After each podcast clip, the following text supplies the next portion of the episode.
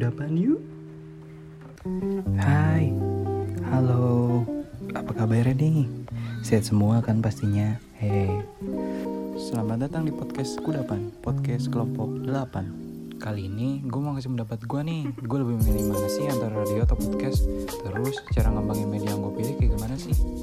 Oh iya, sebelumnya kenalin nama gue Zidan Gue merupakan salah satu mahasiswa Universitas Pajajaran Fakultas Ilmu Komunikasi Program Studi Manajemen Produksi Media Kalau menurut gue nih ya Gue sih lebih memilih ke podcast Karena podcast ini telah banyak digunakan oleh masyarakat untuk mendengar berita, ilmu pengetahuan, dan sharing ilmu pengetahuan yang bersifat dapat diulang.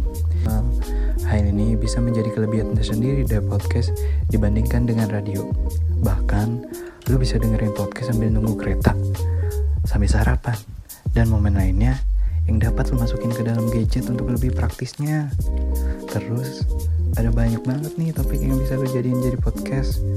Jadi berbeda dengan radio yang mau tidak mau ya lu harus dengerin semua berita, informasi, dan juga iklan yang disiarkan melalui radio.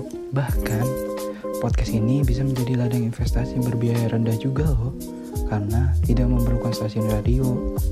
Yang terakhir, kayak gimana sih cara ngembangin media si podcast yang itu sendiri? Gue ada beberapa caranya sih. Salah satunya lo itu harus memperbanyak kategori. Seorang podcaster yang kreatif, mereka akan berpikir untuk menciptakan lebih banyak kategori konten agar dapat menjaring lebih banyak pendengar.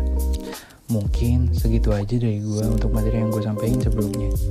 Habis ini ada podcast yang gak kalah kerennya nih dari kelompok 8 selain gue, yaitu Enji. Oh iya, makasih ya udah dengerin. Dadah.